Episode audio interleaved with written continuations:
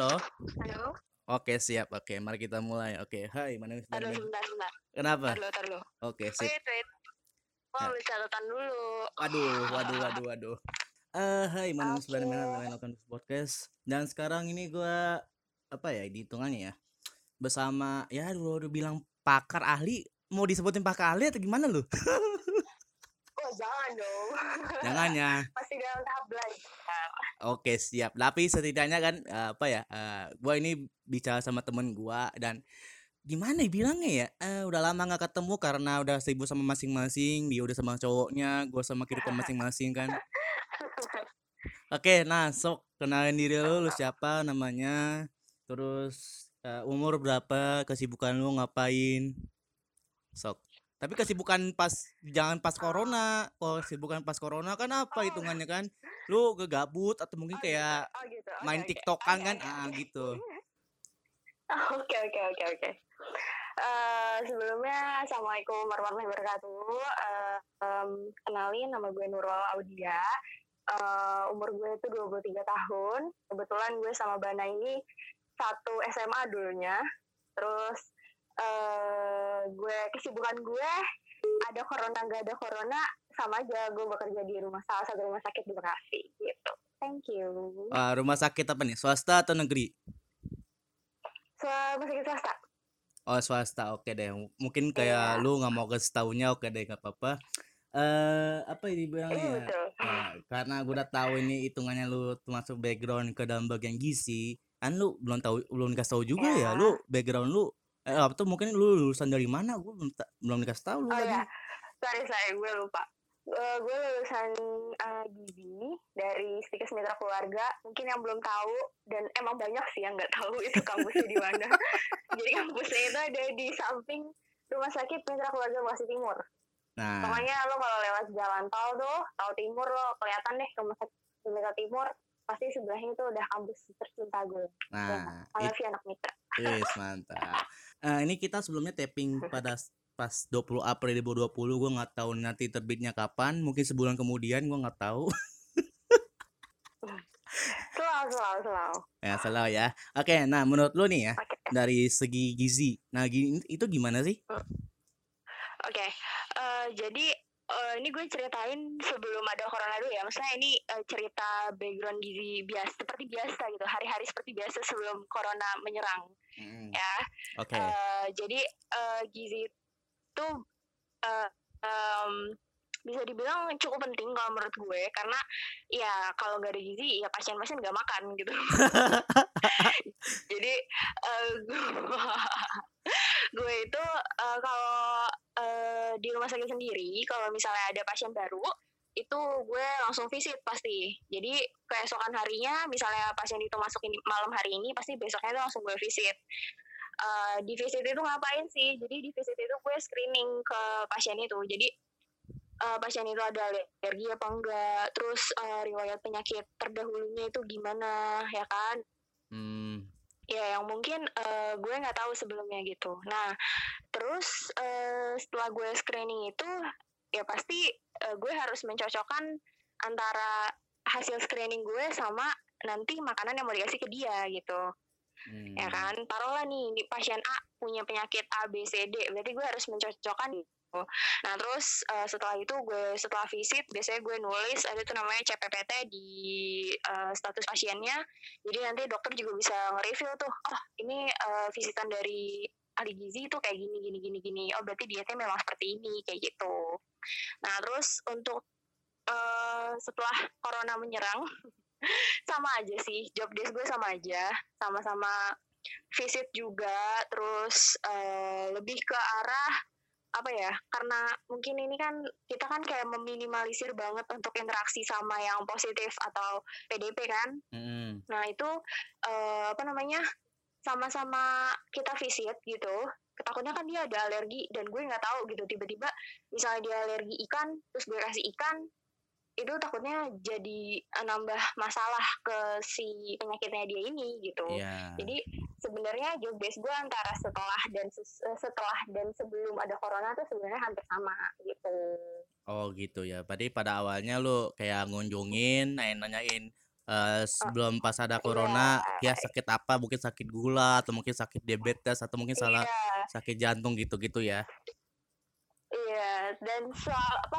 se- setelah ada corona juga sama gitu. Takutnya kan dia itu ini ya punya penyakit yang apa maksudnya yang emang dia udah punya gitu. Jadi Hmm, pas implement eh, ditambah ada corona juga, jadi pas implementasi ke makanannya gue jadi nggak salah gitu. Oh, Seba- gitu ya. Sebisa mungkin dan sebaik mungkin kita pasti ngasih eh, makanan yang sesuai sama keadaan si pasien ini gitu. hmm, gitu ya oke deh Eh, mungkin lu pernah nggak sih atau mungkin kayak di sat- satu kasus lu pernah berinteraksi kan kata lu kan apa Eh, visit kan jadi ada orang ODP atau mungkin yang udah Iya. positif corona kan visit lu langsung visit kan nah kalau saya lu di Iya. lapangan sendiri lu kayak ada ada gitu juga nggak dan rata-rata dan rata-rata yang ODP dan positif corona ini rata-rata itu mereka selain mengidap penyakit corona dia ada mengidap penyakit yang lain nggak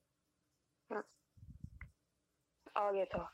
Eh kalau eh, maksudnya kalau visit sih ya seperti biasa aja gitu. Cuman emang bedanya kita kan pakai APD ya, APD lengkap nggak mungkin nggak pakai kan itu kan. Itu Hmm, udah pasti pakai dan emang udah terjaga banget gitu. Itu maksudnya kitanya juga udah udah udah kayak berarti udah udah persiapan sendiri gitu loh. Oh gue maksudnya kita udah tahu nih gue harus pakai ini, gue harus begini, gue harus begini gitu dan durasi visitnya enggak apa lebih lebih pendek dari yang biasanya gitu. Nah hmm, terus untuk yang pertanyaan kedua tadi yang apa ada penyakit bawaan itu ya ada yang iya, ada yang enggak gitu. Dan biasanya kalau memang ada yang iya itu ya kalau enggak diabetes ya penyakit-penyakit yang emang agak krusial sih untuk sembuh gitu. hmm. biasanya ya biasanya kalau udah setahu gua setahu gua sebagai orang awam di dunia kesehatan itu bahwa eh mungkin kalau misalnya penyakit COVID-19 kan berhubungan dengan pernapasan kan kayak tuberkulosis atau mungkin kayak atau ap, atau apalah gitu kan. Nah, itu biasanya kalau untuk konsumsi makanan dari pasien tersebut itu eh apa kayak sama juga kayak tiga kali sehari apa mungkin kayak gimana gimana gitu.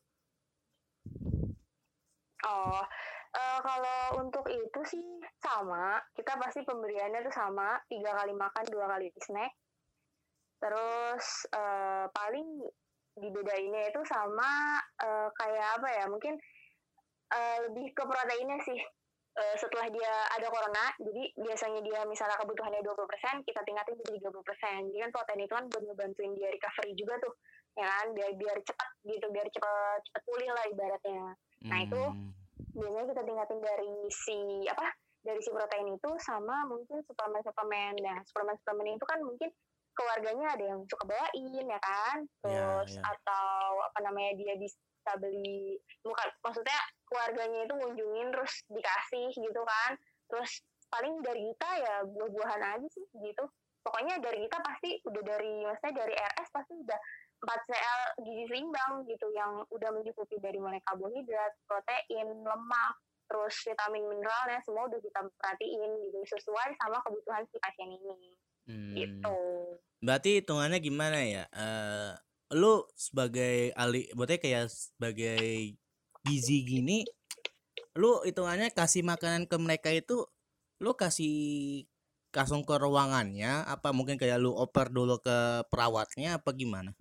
Oh kalau itu sih ada ini ya, ada kita namanya petugas petugas pantry. Jadi petugas pantry itu tugasnya buat nganter-nganterin makanan yang udah kita preparein. Jadi kalau gue gizi tugasnya itu cuman kayak ngecekin doang nih, ini bener nggak nih makanan pasien A ini sesuai sama diet yang gue kasih gitu.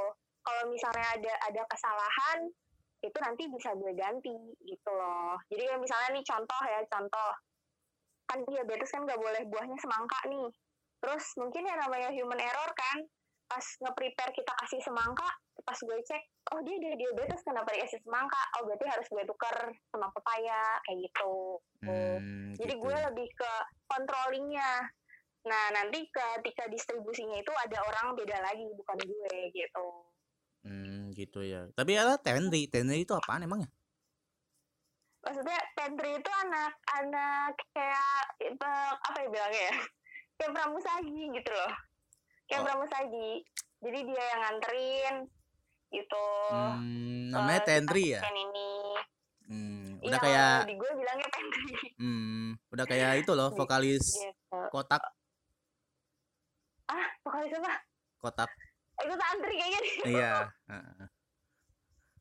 Akhirnya masuk juga Aduh. jokes gua. Oke. Ah, mungkin kayak gimana ya? Ah, mungkin dari pihak lu sendiri kan, gua sebagai orang awam di bagian gizi. Peran lu lah, peran peran gizi yang masih sehat itu untuk mencegah COVID-19 nih gimana sih? Oh, eh nasihat gizi ya buat kalian-kalian di rumah yang emang eh, lagi WFH atau emang lagi di rumah aja, lagi nggak ngapa-ngapain gitu kan. Eh, pesan dari gue sebagai seorang ahli gizi ya lah. Mungkin nanti kalau Sombong sekali ah, Anda gizi yang ngedengar lama-lama. Mungkin kalau nanti ada orang gizi yang ngedenger, tolong dikoreksi kalau emang gue ada yang salah ya. Emang manusia. Oke, oke, oke. Jadi nasihat gue itu eh, pertama em, jaga konsumsi makanan lo gitu. Jadi kalau misalnya konsumsi makanan lo itu bagus, konsumsi makanan lo itu apa maksudnya sehat gitu, makanan-makanan yang lo makan itu makanan bergizi semua, insya Allah itu corona jauh. Pasti.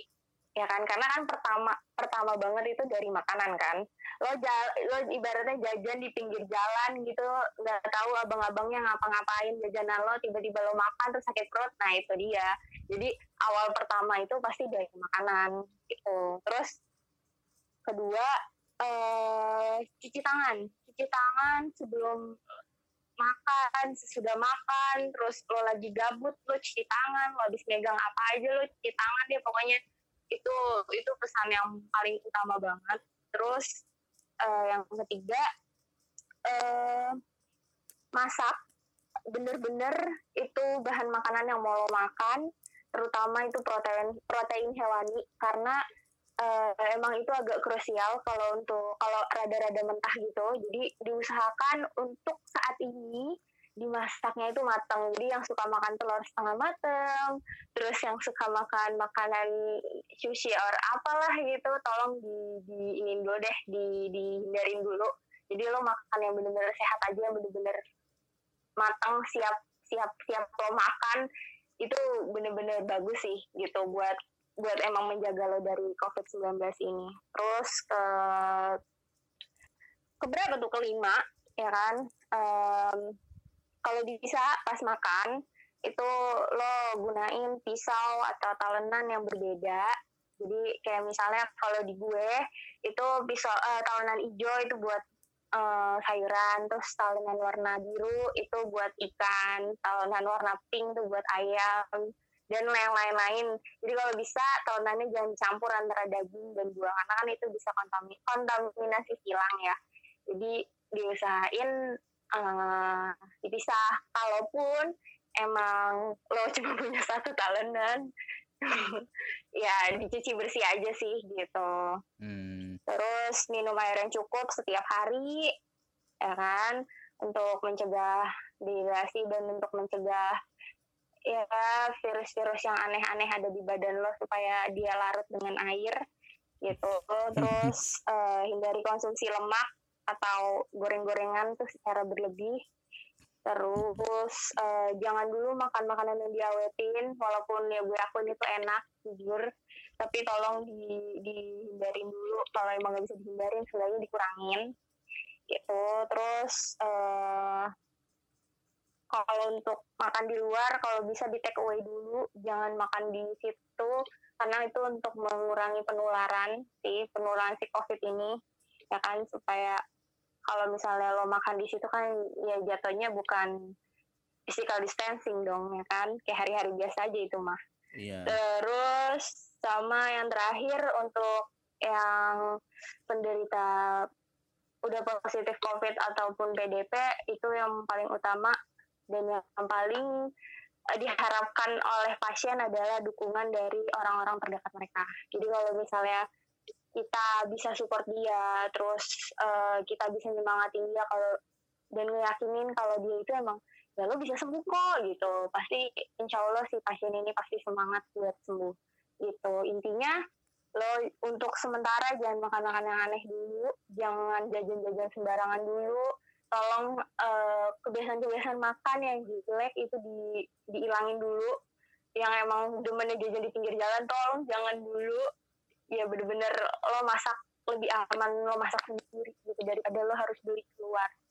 Atau um, walaupun kayak apa sih uh, makanan siap saji yang tadi gue bilang itu mungkin kata lo enak tapi tolong dikurangin dulu. Untuk sementara waktu aja sampai covid ini bener-bener udah hilang gitu Nah itu padahal gue pengen nyampeinnya di pada saat penutupnya ini tiba-tiba lu langsung ngas. Oh.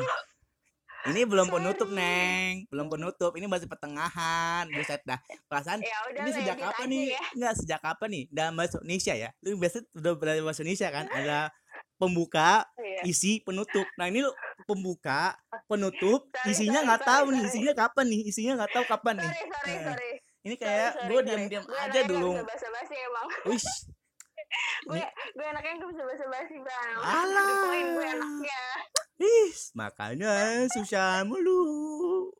Iya iya iya gue sorry sorry sorry. Uh, oke okay, mungkin kayak gimana ya? Uh, untuk Apa bagian isi uh, kayak pusat dah bahasan gue kayak lu jadi dosen gue jadi apa dosen dah uh.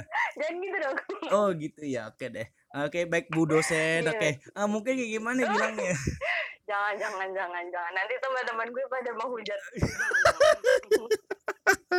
jangan, jangan, jangan. Itu bahaya. Bahaya ya. Teman-teman gue nanti pada hujat. Jangan, jangan. Ah, tapi menurut lu ya, uh, menurut lu nih sebagai ya dibilang netizen yang mengerti mengenai gizi. Nah, masalah kan apa ya, ya gimana ya? Saya kan udah adalah PSBB kan. Ini kan hitungannya kan bagi pedagang kecil, bagi masyarakat yang membutuhkan kerja upahan tiap hari kayak ojol atau mungkin kayak uh, tukang becak atau mungkin kayak gimana gimana. Jadi pada intinya kan mereka bekerja untuk mencari cuan, untuk mencari uang. Jadi kan hitungannya kan nah, pada intinya kan mereka butuh makanan juga dong. Tapi kata lo kan makanan-makanan yang bergizi lah, sedangkan mereka aja nyari makanan itu susah. Betul, betul, betul. Nah, itu gimana? Apalagi kan hitungan penyakit COVID-19 ini rata-rata gue baca di media massa bahwa uh, kita dibutuhkan untuk apa ya uh, menjaga imun kita, imun kita biar tetap kuat kan. Ya, rata-rata rata-rata mungkin kayak uh, usia yang terkena atau mungkin usia yang mening lebih tepatnya meninggal sih, lebih tepatnya meninggal uh, di saat COVID-19 ini di usia yang mungkin rata-rata manula yang fisiknya sudah makin menurun gitu kan. Uh, sedangkan yang orang-orang yang maaf kata yang membutuhkan apa ya uang tiap hari itu itu kan dia butuhnya but juga buat makan kan. Nah itu gizinya itu gimana? Kalau udah menyangkut yang kayak gini tuh rada apa ya maksudnya rada rada, rada susah gitu.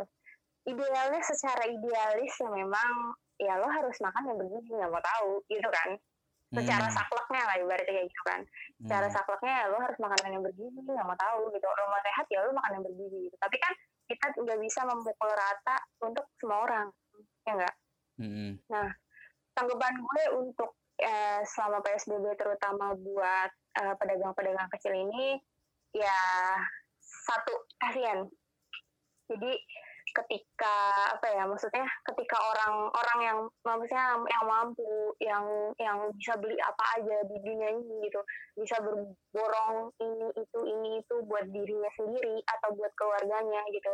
Dan di saat itu juga ada orang yang kelaparan gara-gara nggak makan gara-gara nggak ada duit hari itu gitu. Jadi apa ya kalau untuk uh, orang-orang seperti itu kayaknya udah nggak mikirin hmm. gue harus bergizi makanan gue harus kayak gini itu kayaknya udah nggak mikirin. Jadi uh, mereka pasti berpikirannya ya gue udah makan aja udah syukur alhamdulillah gitu kan. Gue udah bisa makan hari ini anak-anak gue udah bisa makan hari ini keluarga gue udah bisa makan hari ini itu kayaknya udah suatu anugerah yang luar biasa yang dia rasain pada hari itu gitu. Karena mungkin dia bisa aja dia berpikir ah hari ini gue bisa makan nih tapi besok gue nggak tahu gue bisa makan apa enggak kayak gitu. Jadi untuk apa ya untuk secara kayak yang gue bilang tadi secara ya pesan gizi seimbang sama orang-orang yang seperti itu kayaknya kurang masuk gitu. Kecuali kecuali ya kecuali pemerintah tuh ngasih setiap hari enggak sih setiap hari lah. Itu terlalu muluk-muluk gue yakin banget. Setiap bulan setiap bulan deh setiap bulan dikasih tuh ya yang yang emang apa maksudnya yang yang emang yang emang butuh gitu kan tapi Hmm. ya pada kenyataannya pemerintah nggak bisa ngasih itu gitu malah yang ngasih itu dari donasi-donasi kita kita juga dari donasi-donasi rakyat-rakyatnya juga gitu kan jadi si A ngebantu si B si B ngebantu si C si C bikin perkumpulan buat ngebantu si D gitu kan jadi Hmm. Apa ya maksudnya pemerintah tuh kalau menurut gue kayak kurang dalam apa ya kurang gotong royong lah inti intinya dalam dalam memperhatikan rakyatnya yang kayak gitu.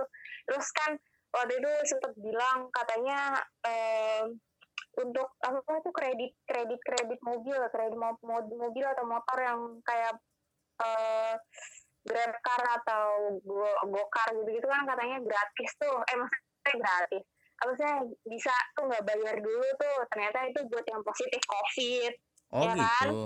Hmm. Iya, buat yang positif COVID. Nah, sekarang kalau misalnya dia punya cicilan gitu kan, dia nggak dia nggak COVID nih gitu kan. Terus sedangkan sekarang pemerintah bilang nggak boleh ojek online nggak boleh bawa penumpang. Nah terus itu eh, cicilannya dia dia, dia bayar pakai apa gitu? Apa apa ya dia harus kena COVID dulu? Nggak mungkin kan? Iya. Ya nggak sih? Heeh. Nah makanya kalau menurut gue kalau ya pemerintah harusnya punya apa ya cut off cut off tertentu dan lebih spesifik lagi cut offnya supaya apa ya kita kita maksudnya yang yang rakyat yang rakyat kecil ini bisa lebih perhatiin gitu. Kalaupun emang nggak bisa eh, ini ya maksudnya nggak bisa tertangani keseluruhan, seenggaknya ya mungkin satu perempatnya lah, seperempatnya lah minimal yang bener-bener susah banget. Itu tuh tolong lah gitu di, ditanganin gitu. Apalagi kayak yang udah lansia gitu kan yang udah lansia terus ya maaf aja gitu kurang mampu. Ya ya udah dia dia bisa apa? Cuma bisa ngucap lillahi ta'ala doang gitu. Gue makan hari ini ya syukur nggak makan ya ya udah gue tahan gitu. Banyak kan di berita-berita kayak em maka eh cuma minum air dua galon terus cuma minum eh cuma makan singkong doang gitu jadi menurut gue kalau untuk gizi ke orang-orang yang penduduk Indonesia gitu yang kurang mampu kayaknya udah nggak diperhatiin lagi gitu Hmm. udah udah masa bodoh lah dia kayaknya ya itu dia ke ya gue makan alhamdulillah nggak makan ya udah tunggu besok gitu Hmm, gitu ya. Menurut lu, pemerintah sekarang ini udah siap belum menghadapi COVID-19? dibilang dibilang udah siap harus siap jadi gimana tuh Wah, oke deh. Nah, berarti hitungannya apa ya? Ini biasanya berhubungan dengan gizi, kita boleh menyerempet nggak ke bagian pangan? boleh Oke Boleh, ya, boleh. boleh ya. Biasa kan satu genre lah hitungannya kan gizi dengan pangan kan sama kan satu genre lah ya. iya ya satu genre Nah, biasanya ya kalau ketahanan pangan keluarga Hmm. ini kan menyangkut tiga hal penting kan, kesediaan, akses dan Mm-mm. konsumsi pangan kan. Mm-mm. Menurut lu untuk ketahanan pangan dalam menghadapi COVID-19 ini gimana?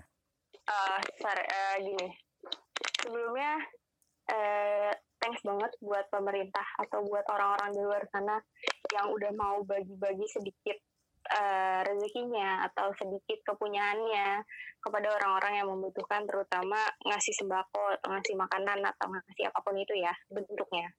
Itu gue eh, big applause banget buat dia buat mereka gitu khususnya eh, ibaratnya lo udah udah lo udah ngebantu gitu.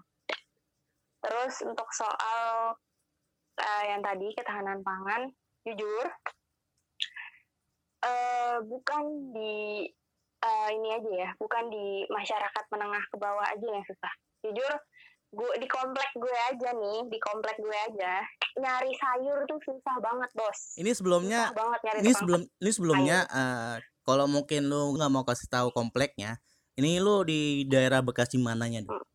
Bekasi Timur di belakang RS Mitra Keluarga. Waduh, Bias Dibilang aja. Kampus sama rumah deketan. Oke, oke, siap. Kayak Iya, pada iya, intinya lu males deh ya buat kayak Nah, jauh-jauh amat lah ya. jadi eh, jujur aja, bukan cuman eh, masyarakat menengah ke bawah yang susah. Gue di komplek gue pun susah nyari tukang sayur tuh di komplek gue udah gak lewat lagi tuh yang nama tukang sayur. Biasanya tuh ada tukang sayur 3 sampai 4 yang masuk ke komplek gue, sekarang udah nggak ada sama sekali. Karena satu komplek gue di lockdown, terus kedua daerah-daerah deket komplek gue yang emang itu ada pasar juga di lockdown gitu. Terus kayak udah mulai sekarang tuh nyari gula tuh udah mulai susah sampai nyokap gue tuh sampai saking paniknya nyari gula itu sampai beli yang saset-sasetan lo tau gak yang saset-saset yang suka ada di hotel-hotel tuh Seriusan ada? Iya, seriusan ada Itu nyokap gue sampai beli kayak gitu Saking paniknya takut gak ada gula gitu kan Wow. Dan sekarang banyak juga kan di Alfamart ada tulisan bagi yang ingin membeli gula itu cuma di, di dimaksimalin cuma satu sekilo doang satu per orang. Terus beras cuma se, se 5 kilo doang per orang. Terus apa lagi? Indomie cuma satu dus per orang kayak gitu-gitu doang. Jadi, Hmm. Apa ya? Bukan kita aja gitu. Ibaratnya kasarnya ya, kita aja yang punya duit itu susah gitu Hmm. gimana yang yang yang masyarakat menengah ke bawah gitu. Ya sih. Nah itu jujur gue nggak bisa bilang nggak bisa bayangin susahnya gimana. Gue cuma bisa berdoa doang supaya ada orang baik dan selalu ada orang baik yang ngebantu mereka gitu kan. Terus Hmm. untuk eh, sisi dampak ya dampak ketahanan pangan gara-gara si covid ini sumpah emang luar biasa banget dahsyatnya. Jadi di mana-mana juga udah mulai susah. Yang gue bilang tadi nyari gula itu udah mulai susah. Terus eh, apa namanya eh, tukang sayur itu gue kalau mau ke tukang sayur itu gue harus ke Narogong dulu. Wow. dan itu pun kalau eh, nyari suatu suatu bahan ya gitu kan. Eh, ba- eh, kayak nyokap gue nih nanya bang bawa ini enggak gitu. Enggak bu. Enggak bawa. Loh kenapa bang? Iya bu pasarnya udah pada di lewat dari jam 5 subuh itu udah diusir-usirin bu saya kata dia gitu. Buh. berarti kan eh, akses si penjual untuk ngedapetin itu barang aja tuh susah gitu kan? Jadi Hmm. apa ya? Udah dampaknya udah udah bener-bener nggak tahu lagi deh gue. Kayak udah ya udah udah parah aja gitu. Nggak tahu lagi kalau misalnya nanti covid ini sampai bulan apa bulan apa apalagi sekarang yang lo katanya eh, yang lo bilang tadi ini udah mau puasa dan apa ya gue juga nggak maksudnya gue juga nggak bisa ngebayangin nanti puasa itu kayak gimana jujur gue gue aja takut gitu gue aja tuh takut gitu cuman Hmm. ya pasti gue percaya selalu ada orang baik yang ngebantu eh, apa ya masyarakat di bawah ini Hmm. untuk apa ya untuk bisa bertahan setidaknya kali lah gitu gue cuma bisa berdoa eh, makin banyak orang baik udah itu aja sih gue nggak bisa ngomong apa-apa soal ketahanan pangan lebih luas lagi karena ya itu yang gue bilang ya itu yang gue rasain Iya sih. Dan apa ya? eh, kita boleh berasumsi nggak nih? Boleh kan? eh boleh Boleh ya. Nah, pahit-pahitnya, pahit-pahitnya kalau misalnya Indonesia sudah terkena lockdown. Kan ini kan sampai di tapping sekarang ini kan masih belum ada lockdown lah ya. Kalau misalnya pahit-pahitnya Heeh. kita lockdown, Indonesia ini udah, lo- lockdown. Heeh. Menurut lu ketahanan pangan di Indonesia itu gimana? Atau mungkin kayak gizi di Indonesia itu gimana? eh, makin banyak orang yang mungkin nggak makan terus udah nggak merhatiin lagi tuh dia mau makan apa aja yang Hmm. penting perutnya lapar keisi udah itu yang gue bayangin Iya sih, betul juga. Sekarang aja baru karantina wilayah aja. Ini aja Nah. udah, waduh. nah Itu tadi kan contoh yang paling simpel kan begitu kan. Nah, contoh paling simpel begitulah. iya betul Nah, ini kita Betul, betul. eh, kembalikan dulu ke topik awalnya. Ini hitungannya kita bicara tentang Hmm. tragis-tragisnya mulu ya, kasihan mulu dah ya. Iya. emang gitu emang emang harus pahitnya dulu ntar kalau misalnya orang dengar dengar senengnya kan kayak "Ih, ntar nih udah nih udah kelar nih corona gini gini ah taunya lebih parah gitu kan jadi kan jadi kan apa ya orang, orang tuh juga harus aware gitu. Maksudnya harus oh ini corona nih belum keluar nih. Gimana nih caranya supaya kelar gitu kan. Kadang Hmm. Indonesia walaupun udah kayak gini tetap aja orangnya kelayapan. Ke mana ke mana. Di- disuruh di rumah disuruh di mana di mana tetap aja kelayapan. Di keluar ya kan? Beda beda urusannya sama orang yang emang lo harus nyari duit harus keluar gitu kan. Hmm. ya kan? Beda kan? Kalau Sama kayak lu lah ya. ah maksudnya kok kayak gue Ya dong, kan lu kan cari cuan juga lah, Neng. Iya, saya saya emang maksudnya cari cuannya kan emang emang emang itu tugas saya gitu kan. Cuman kan gue suka kesel sama orang-orang yang masih nongkrong, masih ngopi-ngopi, masih ya aduh nggak paham lagi deh gue. Hmm. Aduh pokoknya keluar buat hal yang gak penting gitu loh. Iya Itu gue sih. masih suka kesel banget melihatnya karena dengan lo nggak keluar, lo udah ngebantuin kita gitu loh. Dengan lo nggak keluar, lo tuh udah udah maksudnya udah udah berkontribusi lah gitu.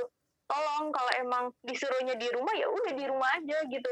Oh juga ibaratnya m- mall sama rekon gak bakalan runtuh kalau lo nggak ngedatengin ke situ gitu loh. Hmm. Atau apa ya kayak kopi-kopi jualan kopi-kopi hits di luar sana juga nggak bakalan tutup kalau misalnya lo nggak sehari itu nggak bakalan tutup gitu loh. Jadi- Iya. tolong eh, kalau emang apa yang pemerintah bilang apa yang pemerintah kasih tahu gitu himbau tolong didengerin gitu. Toh ini kan juga buat kebaikan diri lo juga ya Hmm, kan? iya lo mana tahu misalnya gini lo lo keluar nih beli kopi.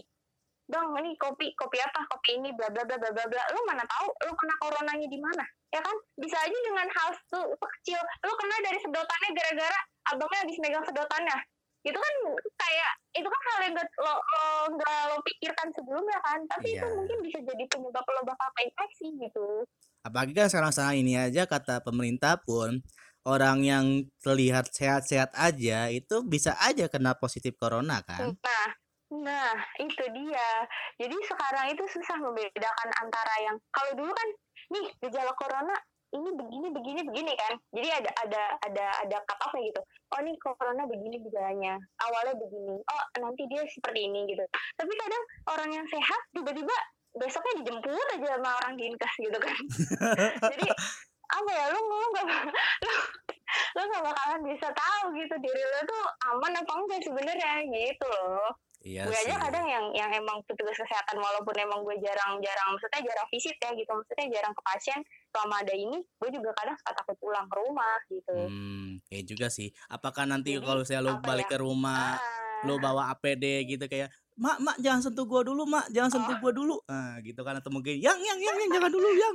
Bentar, Yang, bentar, Yang, bentar, Yang. Gua mau mandi dulu, bentar, gue, bentar." gue gue iya gue itu itu kali pertama sih gue habis dari mana-mana tuh mandi sumpah Hmm. dari eh, lagi libur tiba-tiba ke Indomaret itu sengaja gue belum mandi ke Indomaret karena supaya gue pulang gue nggak keluar lagi dan itu mandi ya udah gue di rumah gitu nggak ke mana-mana Hmm. Nah, ini menurut lo ya. gitu Berarti tuh kalau saya lo setiap Ah. keluar, lo berarti sekarang-sekarang ini lo mandi berapa kali sehari?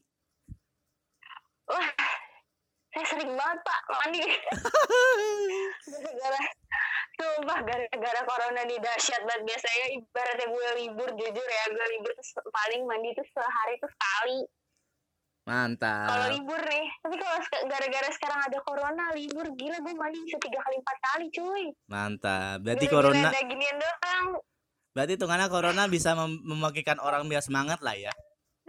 iya betul betul betul Bagi kaum-kaum perubahan yang kayak tidur-tiduran mulu ah, ya, ah biar menghemat Iya, air kayak pejuang menghemat air kan, pejuang menghemat air. Udah mandi sekali sehari. Gitu kan. kalau dulu kan prinsip gue sebelum ada corona tuh ya udah mandi sekali aja sisanya lo cukup merasa kalau badan lo tuh udah seger dah ya udah gitu tapi Aduh. kalau kalau sekarang wah gila gue harus mandi nih gue gue tadi habis ngapain ya gitu sampai nyokap gue saking saking hektiknya gitu maksudnya saking saking paniknya itu kunci motor tuh sampai dicuci-cuci direndam Astaga disinfektan sama nyokap gue. sumpah. Itu bukan Bener-bener takut cuy. kayak- Itu parno. Iya kayaknya nyokap gue tuh parno deh. Sampai jadi tuh gue mau ma- eh, kan himbauannya kan cuci- sering cuci tangan kan cuy. Bener gak Ya, betul. bener kan? Bener kan sering cuci tangan? Gila nih gue cuci tangan sampai ngelupas ngelupas tangan gue Oh, udah gak ada bentuknya lagi nih tangan gue udah udah udah. Lama-lama lu bukan cuci tangan, cuy. Lama-lama bukan iya, cuci gila. tangan lu, ganti kulit lah. Iya, iya makanya aduh anjir, anjir gue bilang nih gara-gara sesuatu yang tak terlihat jadi berdampak anjir. Makanya gue bilang kasihan repot-repot. Makanya gue kayak aduh orang-orang yang ya maaf gitu yang kayak pemulung atau yang ngamen gitu itu dia cuci tangannya di mana gitu. Gue kadang suka suka ya ampun gitu kan kayak ngenes sendiri gitu loh. Iya sih. Apalagi di di Indonesia tuh kan nggak ada nggak ada kayak di luar negeri luar luar negeri kan ada wastafel ya di di tengah jalan gitu kan ada kan? Ya Kan biasanya kalau di kampung-kampung juga ada kali kayak ember isinya Iya, keran iya, kayak ada Iya, apa iya, gitu iya, juga gitu kan. Enggak maksudnya gini di eh, lagi maksudnya kayak di kota-kota di kota-kota besar ya gitu. Kalau kayak di Hmm. Malaysia gitu gitu di, di Singapura kan ada tuh di jalan-jalan umumnya di jalan-jalan utamanya kan banyak tuh dia. Iya. Ibaratnya 500 meter sekali itu langsung ada wastafel. Udah gitu Oke. airnya bisa minum lagi kan. Wah. Pasang kayak gitu. Gila. Berarti Anda secara Iya, nggak sadar dong, menyindir itu berarti ada. sorry sorry. Berarti hitungannya anda se- sedang secara nggak sadar menyindir pemerintah lah ya? Oh iya betul. kayak wih negara Soalnya negara-negara ya- Singapura negara-negara Malaysia air keran bisa diminum nih. Lah kita air air di, di kita cuy. Abang-abang jajanan SD aja cuci sodet penggorengan aja pakai air bukangan boro-boro Indonesia mau kan kan. Makanya gue bilang Indonesia emang gak cocok nih buat pasang-pasang kayak ginian gue yakin besoknya ini udah dibetak nih sama orang nih. Ada yang ngebetak nih. Besoknya dijual iya iya iya. Sekarang gini aja deh paling simpelnya aja. Mungkin lu udah pernah lihat lah di Instagram atau mungkin kayak lu kalau misalnya user TikTok atau mungkin gimana kan gitu.